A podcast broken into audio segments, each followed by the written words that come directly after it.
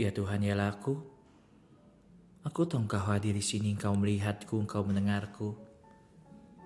Aku menyembahmu dengan penuh hormat. Aku mohon ampun atas segala dosa dan kelemahanku. Aku mohon rahmatmu dalam waktuku berdoa ini. Bundaku yang tak bernoda, Santo Yosef, Bapa Tuanku, Malaikat Pelindungku, doakanlah aku. Senin 6 Maret Bacaan Injil hari ini mengajak sahabat dan saya untuk tidak menghakimi tapi mengasihi. Pernahkah sahabat mendengar cerita tentang dosen di perguruan tinggi dengan siswa yang lebih tua? dosen ini sering mengetes kembali tentang hal-hal yang pernah dia jelaskan sebelumnya untuk membuat murid-muridnya memperhatikan pada saat dia mengajar. Di suatu momen, Dosen itu menyapa orang yang berada di dalam kelasnya saat itu. Hei kamu yang ada di pojok, kata dosen itu. Kapan Roma dihancurkan dengan api? Sejujurnya, pria marang itu menjawab dan terkejut. Aku tidak ingat. Baiklah kalau begitu, desak sang guru. Apakah kamu ingat ketika Vesuvius menghapus Pompeli dari peta?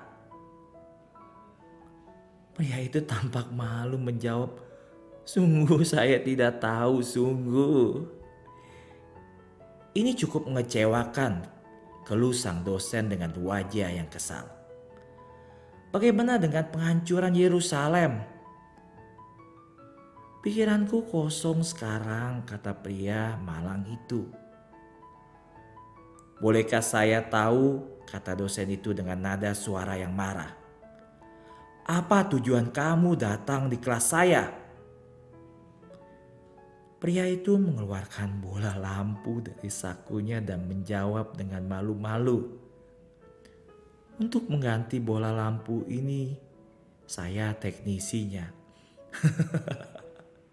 Sahabat dan saya harus berusaha untuk tidak menghakimi, supaya kita tidak dihakimi, karena kita tidak tahu keseluruhannya tentang orang lain.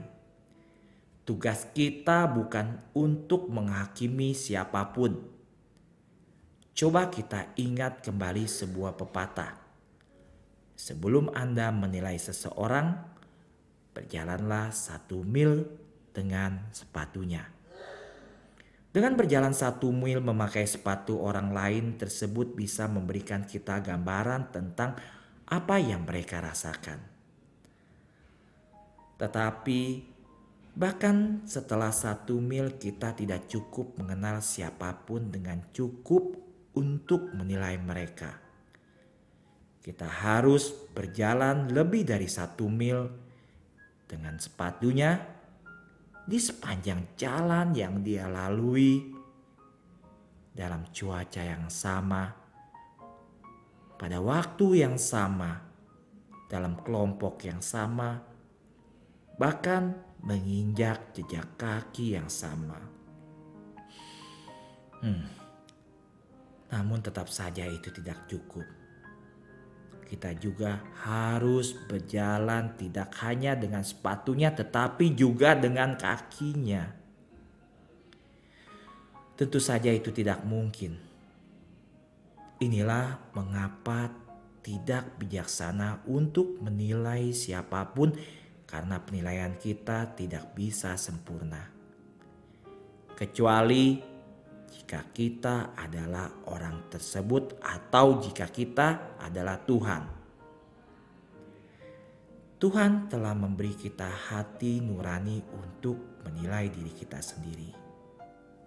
Tidak ada yang bisa lebih tahu selain diri saya sendiri apakah saya sudah bermurah hati dengan Tuhan, kecuali Tuhan. Maria, bundaku, jika engkau mengajariku untuk mencintai semua orang, aku dan sahabat akan selalu mengerti dan membantu mereka dengan penuh kasih, daripada membuang waktu menghakimi mereka. Bunda Maria, harapan kita dan tata kebijaksanaan, doakanlah kami.